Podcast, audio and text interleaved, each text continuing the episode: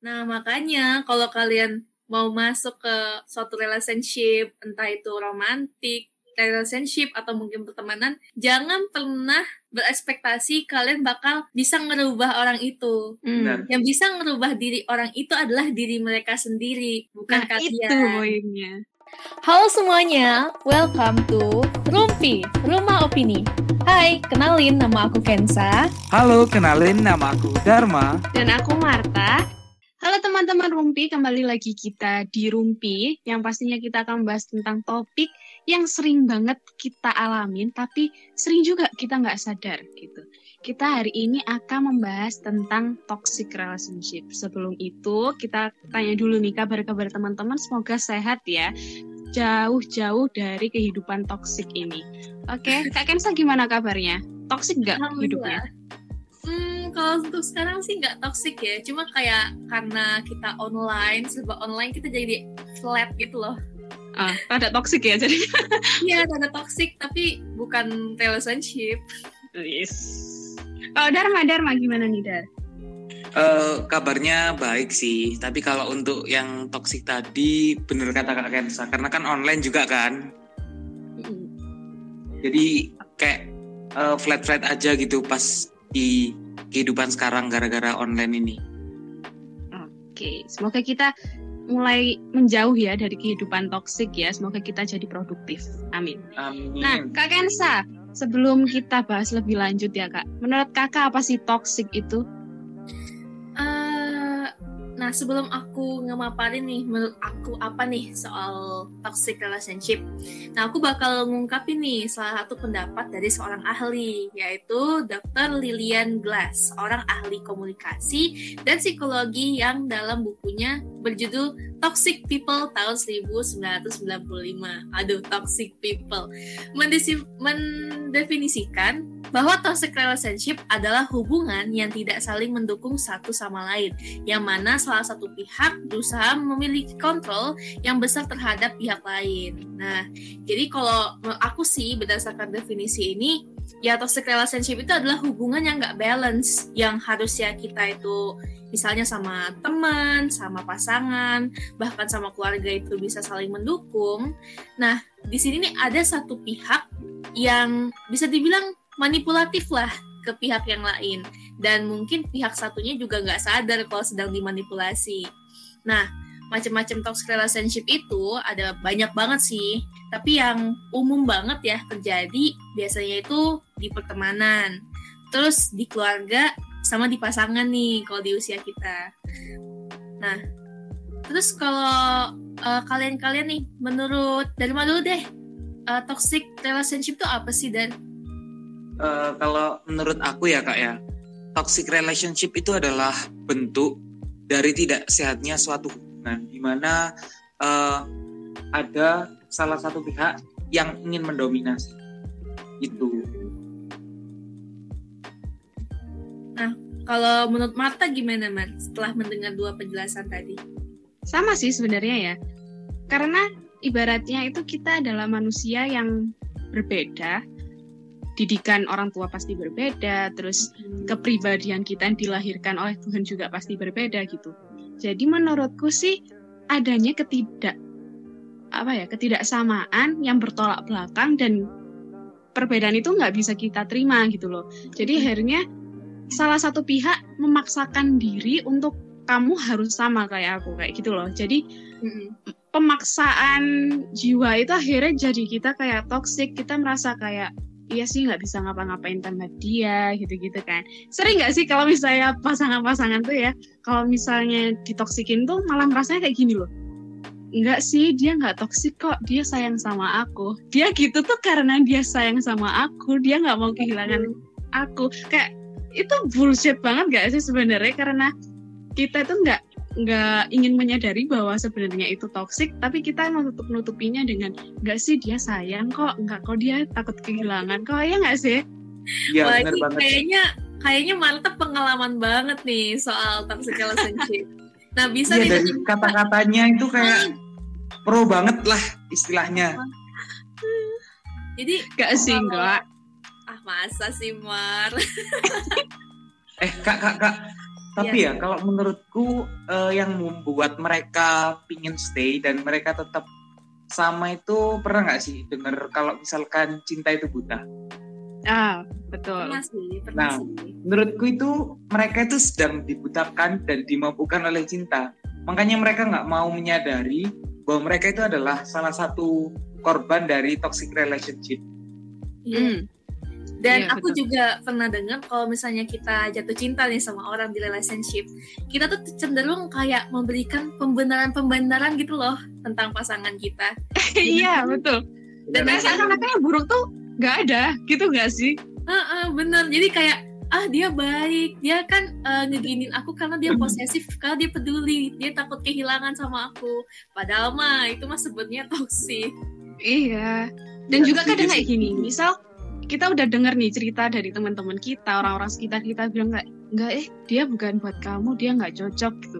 Entah pasangan atau pertemanan ya, pasti kan orang tua kita juga ngerasa kayak kok kayak anak ini gini sih, kok anak ini gini sih gitu kan. Nah, pasti kita yang tidak ingin kehilangan orang ini pasti akan bilang kayak gini. Enggak kok, aku pasti bakal bisa ngerubah dia lebih baik. Waduh. Iya nggak sih?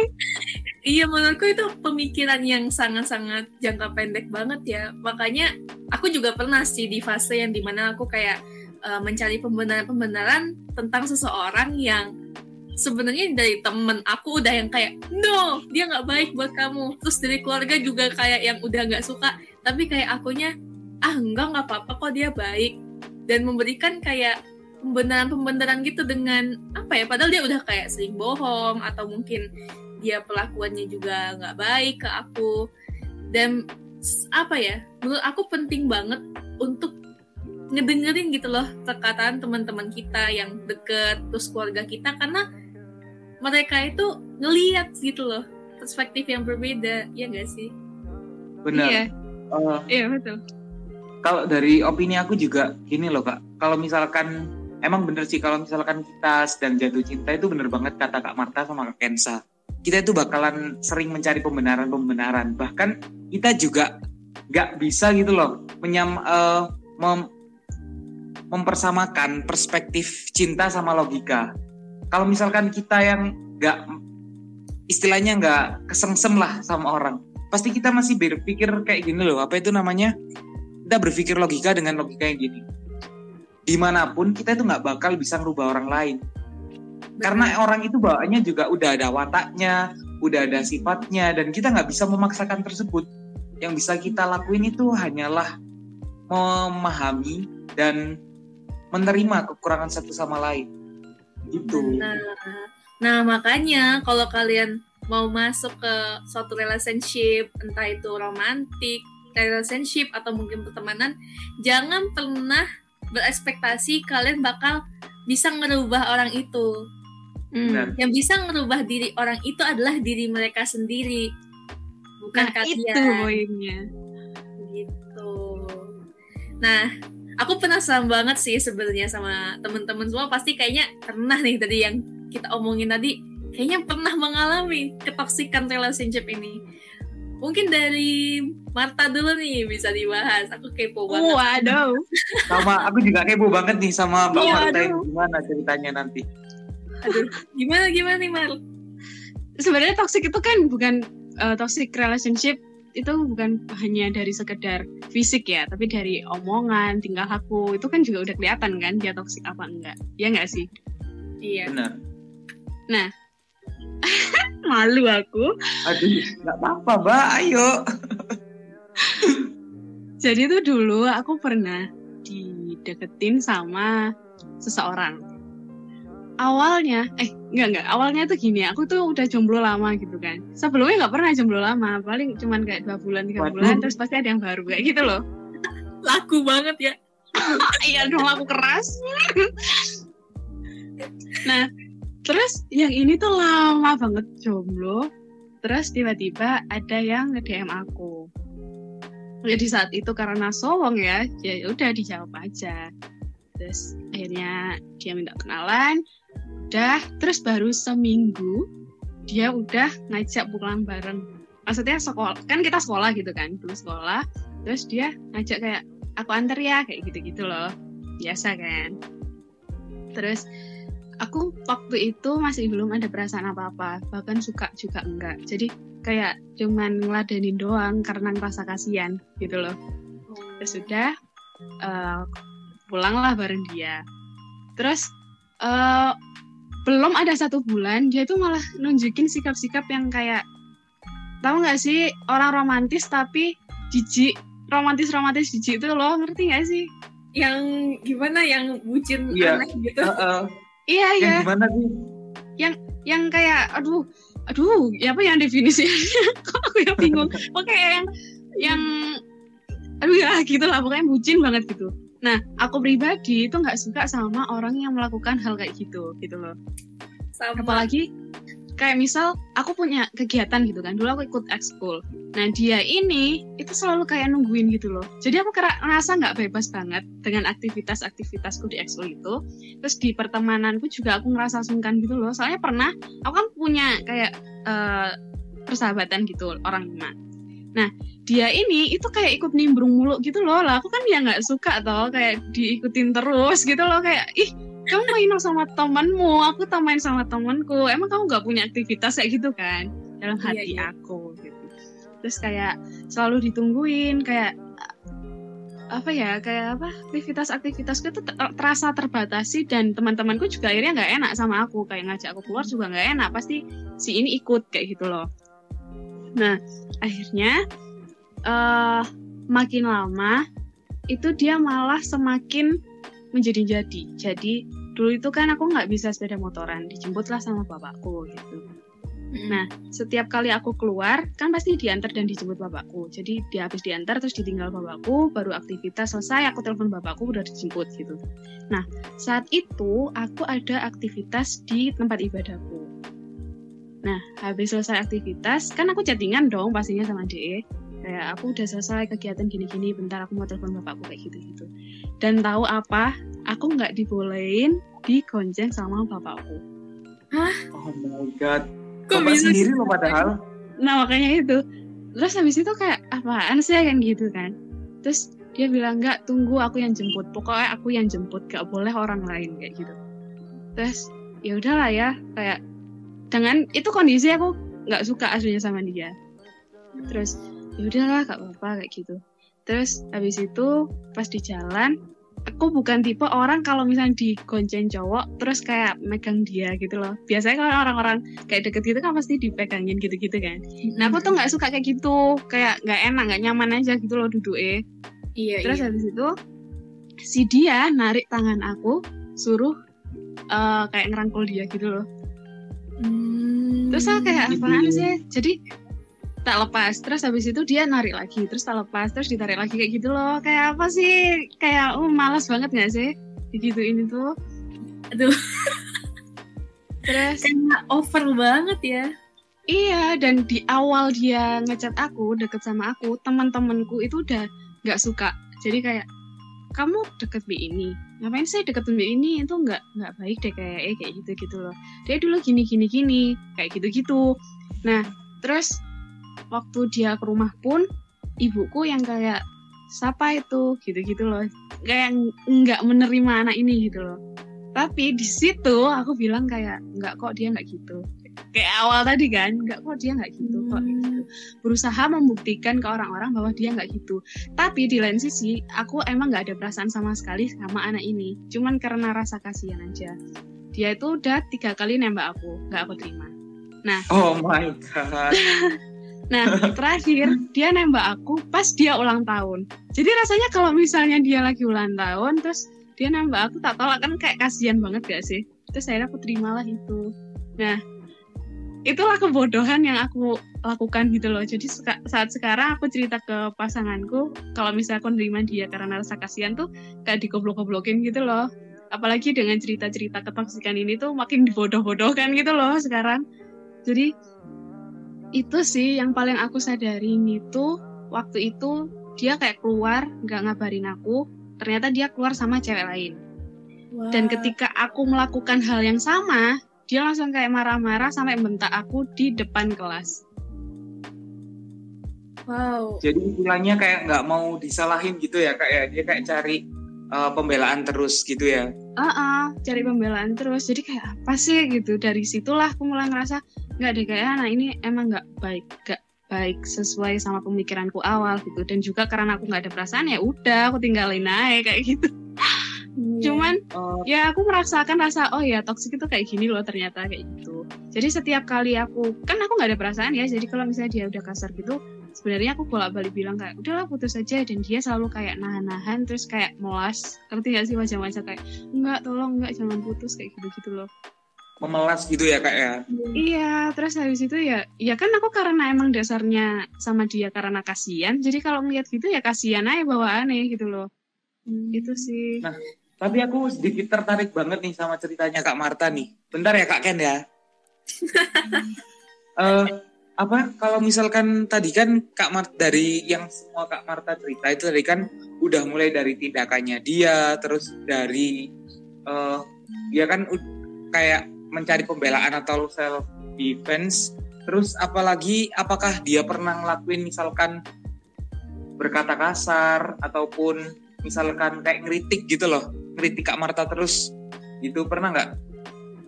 Ya pasti pernah sih kayak kayak verbalnya gitu. Cuman karena aku nggak nggak peduli sama dia awalnya. Cuman karena rasa kasihan itu loh, jadi aku nggak peduli. Jadi ya aku nggak ingat sampai sekarang yang aku ingat adalah yang dia dia lakukan itu yang kayak ngelarang orang tua pun jemput, terus kayak ngelarang. Aku kan punya sahabat cowok ya. Iya. Dan dia tuh kayak gak enak gitu sama sahabatku cowok ini dan sahabatku cowok kayak gak enak juga sama anak ini kayak ngapain sih kayak gitu-gitu terus jadi dan untungnya juga. tapi untungnya aku tuh tersadarkan cuman tiga bulan deh kayak pacar pacaran tuh antara dua sampai tiga bulan aja jadi benar-benar untung aku tersadarkan nggak sangat nggak lama gitu loh kalau misal saat itu lama mungkin dia bisa aja lagi gitu ya uh -uh, bisa aja dia fisik dan lain sebagainya Wow. Jadi aku ingatkan ke para pendengar ya, jangan sekali-sekali terima cowok karena rasa kasihan itu adalah kebodohan bener, paling bodoh. Noted ya. Jangan terima cowok dengan rasa kasihan guys. Lebih kasihan hmm. tuh kalian terima, terus kalian bertahan gitu loh. Lebih kasihan hmm. kayak gitu menurut aku. Udah bertahan tersakiti juga ya. Maaf. Ya rugi lah akhirnya. Nah, Apalagi nah, kalau dari Kak Ensa gimana apa punya pengalaman seputar toxic relationship Uh, pasti ada dong kalau masalah toxic relationship ya. Kalau untuk masalah yang relationship kayak pacaran gitu, aku nggak ada sih. Tapi kalau yang masalah pertemanan sih kalau aku. Jadi kalau dulu uh, waktu sebenarnya antara dua sih, antara aku yang toxic atau orang lain yang toxic. Jadi ada dua masa di mana aku yang toxic sama orang orang lain yang toxic gitu loh. Kalau di masa-masa yang di mana aku toxic itu waktu aku masih SMP. Di mana aku kayak kalau berteman itu kayak bener-bener yang ya udah aku ngambil benefitnya aja. Yang penting aku berteman gitu. yang penting uh, urusan nilaiku jalan lancar hidupku tenang. Ya udah temenku mau gimana aku nggak peduli. Itu parah banget waktu SMP dan mungkin karena aku SMP tuh saking nggak punyanya rasa ya mungkin empati kali ya. Ya SMA-nya itu aku kualat guys. Nah di SMA ini uh, aku tuh punya lingkungan pertemanan di kelas yang sebenarnya aku ngerasa ya kelasku ini bisa dibilang kalau menurut aku ya nggak ada orang yang bener-bener bisa uh, klop gitu loh sama aku di kelas. Jadi kan otomatis aku kayak nyari temen gitu kan dengan cara ya udah aku nimbrung-nimbrung aja. Nah nah di tongkrongan ini bisa dibilang lah di tongkrongan cewek-cewek ini ya aku tuh selalu jadi orang yang ya udah aku kayak menutupi uh, semua apa ya jati diriku sendiri gitu loh. Aku nggak pernah kayak nunjukin uh, apa yang bener-bener aku suka. Yang penting aku cuma kayak punya teman gitu loh di kelas. Karena emang di kelas tuh gak ada yang bener-bener bisa paham gitu loh sama mungkin jokes aku atau apa gitu. Jadi kayak agak terasingkan lah ya. Nah cuma ya seiring waktu karena aku terus-terusan ya berusaha jadi bukan diri aku sendiri ya lama-lama rasanya jadi kayak toxic gitu loh. Karena aku dipaksa untuk bisa menyukai suatu topik obrolan atau kayak mengikuti suatu pemikiran yang sebenarnya mungkin nggak sesuai sama prinsip aku gitu loh. Kayak apa ya ngerti nggak sih? Kayak pertemanan cewek-cewek yang di mana mereka kalau di dalam satu tongkrongan kerjaannya ngegosip terus kalau misalnya kita nggak di tongkrongan itu kita yang digosip. digosipin. nah. Waduh, itu banyak gak sih pertemanan cewek kayak gitu kan? Banyak banyak. dan itu toxic banget menurut aku karena gimana ya aku merasa ya setelah aku kuliah ini aku sadar gitu loh kayak ternyata pertemanan aku di kelas yang kayak gitu tuh nggak ada yang bener-bener temen mereka tuh cuma berteman ya atas dasar ya oh ya udah eh, kita sama-sama suka dandan atau apa tapi kita nggak pernah yang kayak saling support gitu loh satu sama lain. Jadi jatuhnya itu kayak ya udah gue temenan sama lo karena gue pengen eh, pamer nih gue punya ini gue punya itu gitu loh. Sebenarnya ya aku bersyukurnya sih aku sebenarnya nggak terlalu gimana gimana ya di situ ya. Aku lebih sering sibuk waktu SMA tuh kayak kegiatan di luar. Ya tapi kayak ya itu yang paling aku nggak suka itu adalah pertemanan yang di mana eh, mereka itu kayak kalau misalnya ngumpul nanti kayak saling memuji gitu sama sama lain. Kayak ih kamu cantik ya gini gini gini bla bla bla. Tapi pas kita udah pergi nanti digosipin. Terus nanti nyampe gosipin ke kelas lain. Terus nanti nama kita tuh kayak hancur gitu loh. Peres banget berarti kak ya. iya gitu banget pertemanannya dan sumpah ya aku kayak merasa ya nyesel nggak nyesel sih satu sisi mereka juga ada kok baiknya ke aku. Mungkin ya eh, kayak ya tukar-tukar informasi lah soal kelas sebelah dapat kunci jawaban apa-apa gitu kan. Tapi ya negatifnya itu kayak aku nggak jadi diri aku sendiri dan aku tuh kayak harus menerima gitu loh. Kalau misalnya aku tuh ya diomongin atau ya digituin gitu loh. Gitu sih kalau dari Dharma gimana Dan? Mungkin Dharma juga pernah mengalami Em, kalau aku sih pernah, pasti pernah. Tapi kalau emang kan aku kalau misalkan aku mau menjalani suatu hubungan sama orang, itu aku mesti bilang dulu gitu loh kak. Eh, aku pinginnya itu hubungan yang nggak saling ngabar-ngabari, cuman atas dasar kepercayaan aja. Karena jujur aku itu bukan orang yang gampang dikendaliin. Bisa dibilang batu sih, iya batu. Eh, tapi di sini yang aku tekanin tuh kepercayaan. Kenapa? Karena kan risih banget gitu loh kak. Kalau misalkan kita lagi keluar sama temen, terus kita lagi ada tugas, itu kayak harus banget gitu, harus banget kayak ngabari. Aku lagi di sini, gitu. Dan untungnya kalau aku di toxic, toxic, aduh sampai kepleset, toxic re- toxic relationship itu nggak pernah ya karena selama aku menjalani suatu hubungan alhamdulillah sehat-sehat aja tapi aku pernah nih kak mengalami salah satu bentuk dari toxic toxic relationship yaitu toxic friendship Nah, sama dong kayak aku berarti ya. Iya, hampir sama banget sama Kak Kensa, tapi bedanya itu kalau dulu ya Kak ya. Dulu itu aku pernah punya temen gitu loh. Jadi kita itu deket waktu SMA aja.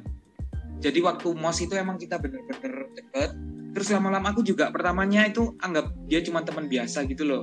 Tapi lama-lama kelamaan kok kayaknya cocok banget, kayak klop banget. Terus eh, dia ngajak kayak sahabatan gitu. Karena kan jadi kayak duh ngapain sih masih SMA udah sahabat-sahabatan jadi kayak temen biasa aja lo ya kan kayak nggak gimana gitu loh akhirnya ya udah aku eh, aku jalani biasa aja gitu kan Em, tapi aku juga nggak sadar kak ya. Karena kan bener kak Kensa tadi di depan dia itu bener-bener kayak yang muji banget aku muji-muji dan dia itu kayak down to earth banget gitu loh kak ke aku.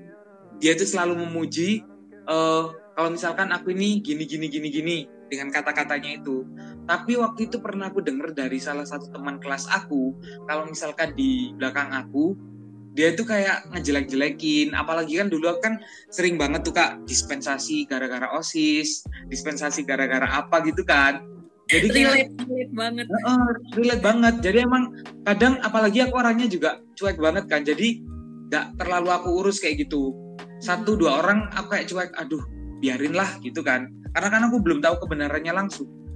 Mm. Nah, tapi lama kelamaan itu kayak aku pernah nih, kan aku punya suatu tugas dan aku itu tipe orang yang nggak suka dikendaliin. Aku tipe orang yang kalau misalkan dengan tugas aku, aku harus set banget, aku harus on point banget tugas aku. Dan dia ini minta tugas aku dengan cara maksa banget gitu loh kak. Wow. Kayak marah gitu loh. Aku sampai heran dong loh. Ngapain sih marah cuman gara-gara tugas? Ya udah kerjain aja kan. Kalau Iya. misalkan tanya pasti aku bantu, tapi kalau untuk memberikan tugasku aku enggak. Mm-mm. Jadi Pasti dari situ aku apa? Dikatain pelit pasti. Ah, pasti. Terus di belakang itu dinyinyirin. Aku udah biasa lah gitu-gitu itu kan. Terus eh waktu itu kan aku juga udah kayak kerasa loh. Anak ini kok gini gitu. Terus lama kelamaan aku udah agak jaga jarak tuh kak. Mm. Karena bener banget misalkan ada ujian, dia itu kan jadi duduknya tuh satu bangku sama aku. Mesti itu kayak minta selalu minta jawaban aku gitu loh. Kalau untuk satu dua kali nggak apa-apa lah. Tapi ini misalkan ujiannya soalnya lima, dia tuh cuma lima semua itu buat harus buat dia juga. Sumpah aku jadi Jiplak kayak ya. oh my god, ya, eh. terus aku kayak mikir, aku kayak mikir gini, eh, apa cuman dia berteman gara-gara cuman ingin memanfaatkan aja gitu loh Mm. terus kan sebagai orang yang bisa dibilang aku ini kan orang yang abis terus Mm. orang yang fokus organisasi pasti kan ada saatnya kita kayak butuh bantuan kita butuh cerita gitu kan Iya. Temen aku mesti nggak bisa kayak oh jangan sekarang jangan sekarang gitu aku lagi sibuk aku lagi sibuk aku nggak tahu lah tapi aku tetap maklumin aja sampai saatnya aku sadar gini oke lah kalau kayak gitu ya udah mendingan nggak usah berteman aja gitu Mm-mm. Relate. Yang paling Heeh, yang paling paling bener itu adalah di saat kayaknya aku bilang wis nggak usah apa aku minta pindah duduk sama dia kan kak Mm. terus kayak dia tuh eh, berusaha mempengaruhi seluruh kelas teman kelas aku buat ngehead aku Wow. jadi kayak dia pingin aku terasingkan gitu loh Mm-mm. mungkin dia berhasil berhasil untuk eh, beberapa untuk satu bulan lah sampai akhirnya kondisinya ya cuman dia berhasil ngebentuk kayak circle gitu kan. Tuh tapi aku udah nggak peduli dan aku udah kayak cuek-cuek aja gitu loh. Apalagi kan yang bikin aku sadar itu gini loh. Kalau misalkan dia tulus berteman dia nggak bakalan kalau misalkan kita bilang enggak dia nggak bakalan maksa banget gitu loh. Terus Iya. Aku yang paling inget itu apa? Mungkin ini dia kan juga punya doi itu. Kayaknya Hmm. lupa nge WA aku. Jadi waktu itu doinya bikin snap itu malah ngegibah nge- ngegibahin aku ke ibunya si teman aku ini. Wow. bener banget. Aku tuh gini oh my god fiksi ini pasti toxic friendship banget. Kalau misalkan nggak dikasih jawaban marah nyinyir gitu. Jadi aku putusin. Apalagi kan aku juga orang yang kayak kekeh gitu kan jadi aku oke lah nggak usah berada di pertemanan sama dia kalau misalkan cuman manfaatin aja itu jadi kurang lebih kayak kak Kensa gitu loh kayak em, aku berteman dengan anak ini itu tapi kayak jadi diriku yang asli nggak keluar gitu loh kayak aku tertutupi dengan topeng yang lain tapi itu bukan diriku jadi kayak Iya. berteman sama dia nggak nyaman Iya. Aku mau nanya dong ke Dharma. Kan Apa? berarti kan kamu juga sama nih kayak aku kan kasusnya. Kayak di kelas tuh kayak nggak jadi diri sendiri. Kamu sering nggak Oh, sih kadang-kadang pas lagi dispensasi atau apa kayak ngambil waktu buat kamu misalnya di perpustakaan sendiri yang bener-bener kamu mungkin jadi dirimu sendiri di situ. Eh, kalau kayak gitu sih nggak pernah kayak ya karena kalau aku misalkan dispensasi aku juga ya tetap jadi diri aku aku nggak pernah kayak butuh meditasi gitu-gitu nggak. Tapi kalau misalkan eh, tapi setelah aku kayak nggak berteman sama dia itu kayak aku lebih kerasa aku lebih jadi diri aku sendiri. Nah, jadi Iya, yang pelit jawaban terus jadi orang yang apa ya yang istilahnya berdikari gitu loh kak. Berdiri di kaki sendiri. Nggak perlu bantuan eh, maksudnya nggak perlu kayak apa ya istilahnya ya kayak memelas untuk dorongan. uh, ada teman gitu ya intinya. nah gitu Emang tem- pertemanan terkampret adalah ketika teman kita hanya datang ke kita saat dia butuh kita. Iya. Pasti. Itu kayaknya banyak sih. Itu banyak banget sih, Mar. umum, umum banget. Semua orang juga pernah kayak gitu. Nah, Tapi nih menurut menurut kalian ya, apa sih sisi negatif dari toxic itu gitu loh? ya sisi negatifnya ya banyak. Kayaknya toxic relationship itu emang negatif gak sih? Iya, nggak nggak baik lah untuk Gak baik setiap manusia itu nggak baik kalau toxic Jangan relationship gitu itu. lah. Jangan dicoba. Kalau sisi positif ada nggak sih kira-kira dari toxic relationship tuh ada nggak sih sisi positifnya? Nggak ada juga ya kayaknya ya. sisi positif ya. Ini kalau misalnya aku kayak pikir-pikir ya, sebenarnya toxic relationship itu yang ngebikin aku belajar gitu. Oh ternyata ada loh orang seperti ini. Oh ternyata kalau orang memanfaatin aku tuh gini caranya. Oh ternyata Bener. kalau orang yang Sama. seperti itu kayak gini. Jadi kayak belajar sih sebenarnya. Pelajaran kehidupan yang sangat berarti ya berarti ya toxic Benar ini. Banget. Nah, kita kan udah cerita kan tadi soal toxic relationship, baik yang dari yang pacaran sampai yang pertemanan ya. Kalau menurut teman-teman nih, eh, penyebab toxic relationship itu apa-apa aja sih? Kalau dari aku ya, yang pasti kalau yang dari pengalaman aku sendiri adalah berada di pergaulan atau lingkungan yang kurang tepat. Karena yang tadi aku bilang, kayak aku di kelas nggak ada temen yang bener-bener klop sama aku, yang sepe- sepemikiran sama aku tuh nggak ada gitu loh. Kalau dari Dharma gimana? Kalau dari aku itu kak, ini mohon maaf ya kak Marta ya, karena ini sesuai banget nih sama kak Marta. itu adalah tidak memiliki pilihan lain atau bisa dibilang atas dasar kasihan sih. Nah, Iya sih benar-benar. terkadang empati itu nggak sepenuhnya baik guys. Jadi harus ada sedikit penghargaan lah. Filternya lah. Heeh. Iya betul. Kalau dari kak Marta apa?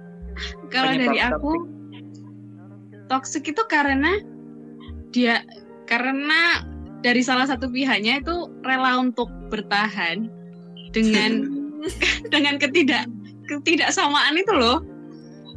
Udah tahu kayak gitu Mas ya mau bertahan. Geblek banget. Terus juga kalau menurut aku ya salah satu penyebab toxic relationship itu adalah dibutakan oleh cinta atau perasaan. Nih, terlalu bucin sampai mencari pembenaran-pembenaran tentang orang yang sebenarnya udah jelas nih nggak bisa diterima teman-temannya, nggak bisa diterima keluarganya, masih aja. Masih ya karena alasan kasihan. Tapi emang bener sih kak, kalau yang ini eh apa ya kayak kita emang bener gak boleh terlalu percaya banget sama orang. Hmm. Bener. Kalau misalkan kita terlalu percaya, takutnya yang ada kita berekspektasi, kita memiliki suatu harapan yang besar, tapi nyatanya orang itu beda banget sama ekspektasi kita. Nanti kita aja yang percuma kita tersiksa ya kan? Itu. Dan juga nggak boleh juga nih minim rasa kepercayaan yang ada kayak overthinking. Ih, jangan-jangan dia selingkuh. Ih, jangan-jangan dia main cewek nih. Ih, jangan-jangan dia main cowok nih. Ih, jangan-jangan dia ngerasani aku nih di belakang aku kayak gitu ya. Jadi harus Malah kitanya yang toxic positive jadinya. thinking.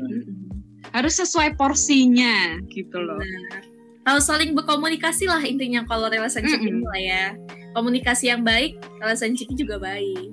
Iya. Terus, nah yang terakhir nih, minimnya rasa kepercayaan diri. Nah, berarti low self esteem. Nah, itu yang ngebikin kita kayak eh ngebegging orang-orang supaya kayak temenan sama kita atau orang-orang supaya suka sama kita. Nah, itu yang akhirnya ngebikin orang-orang yang tidak bertanggung jawab atau toksik itu, wah, di sini ada orang yang bisa aku manfaatin nih. Sasaran empuk nih. Nah, menurut kalian nih ya dari penyebab-penyebab itu ada nggak sih cara untuk mengatasi atau lepas dari toxic relationship? Menurut kalian Hmm, Em, kalau dari aku ada kak. apa tuh? Kalau dari aku sendiri itu adalah bicarakan dengan orang yang bersangkutan tentang apa yang Anda rasakan dan sampaikan keberatan kita. Misalkan kayak, duh, aku kalau berteman sama kamu kayak gini gini gini gini gitu kan. Terus Hmm. tapi gunakan pernyataan yang kayak saya merasa agar si pihak ini tadi itu tidak defensif. Mm-mm. Jadi Tapi istilahnya kalau bilang secara misalnya baik. orangnya marah gimana? Orang yang nggak terima gimana? Ya udah tinggalin gitu ya. Toxic emang. Kalau Kensa? nah setelah tadi kita terbuka sama orang yang kita anggap toksik tadi dan dia akhirnya bisa ya mungkin merespon lah dengan cukup baik. Nah kita bisa diskusi ini gimana caranya supaya eh, hubungan kita itu terhindar dari kondisi toksik tersebut secara bersama-sama. Terus, nah jangan lupa juga untuk mengevaluasi hubungan. Apakah sampai merusak harga diri atau kesehatan mental Anda. Jadi ya evaluasinya itu juga harus dua arah. Dari diri kita sendiri juga harus evaluasi. Mungkin kita eh, yang nganggep eh, pasangan kita, teman kita, atau lingkungan kita toksik itu ternyata malah kitanya yang toksik. Bisa jadi kan Hmm. kayak gitu. Terus ada apa lagi nih? Itu sih, kalau menurut aku itu batasin waktu gitu loh. Jadi jangan memaksakan pasangan kalian untuk selalu menghubungi kalian atau jangan Nah, sampai setuju. kalian tuh selalu nungguin pasangan kalian melakukan aktivitas tuh gak usah. Jadi kayak ya udahlah kalian kalau melakukan Benci banget ya, Kak, ya? lakukan.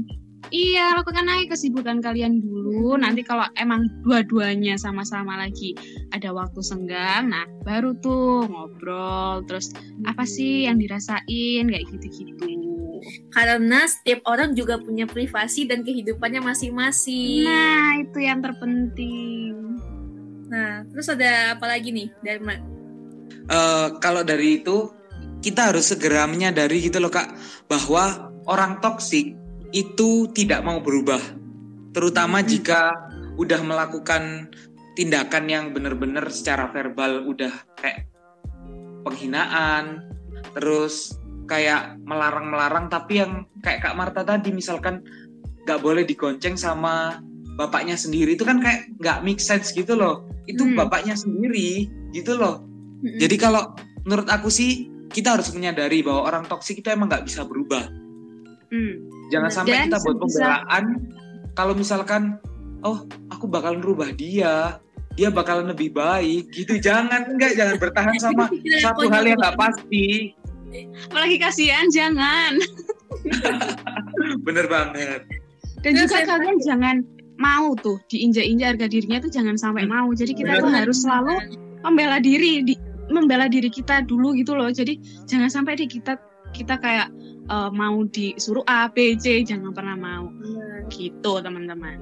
Karena kita punya harga diri dan kita tuh sadar kalau diri kita itu berharga dan kita tuh Hmm. punya value, guys. Nah betul teman-teman. Nah, jadi kan kita udah bahas nih Kak, mulai dari pengertian dari para ahli mengenai toxic relationship, terus pandangan kita masing-masing tentang toxic relationship, dan juga ada macam-macam toxic relationship mulai dari pertemanan, hubungan, dan juga keluarga.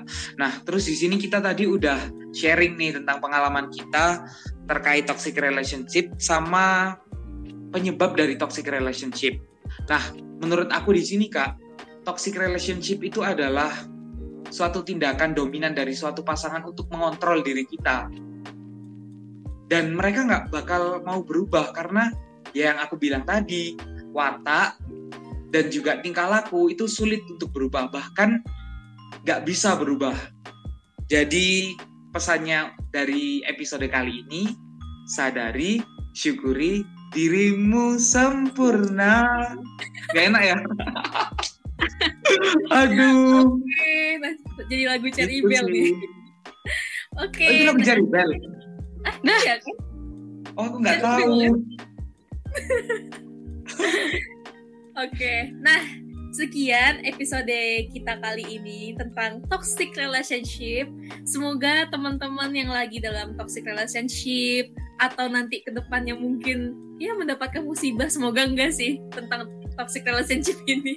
Semoga Jangan segera disadarkan. Nah, semoga segera disadarkan. Dan yang belum semoga dijauhkan. Amin. Dan yang sudah jangan sampai terulang. Waduh. siap, siap, siap. Kayaknya Marta sangat-sangat dendam ya. Oke, sekian episode Rumpi kali ini. Tunggu episode selanjutnya. Uh, see you next time. Bye-bye. Dadah. See you. Bye. Thank you guys.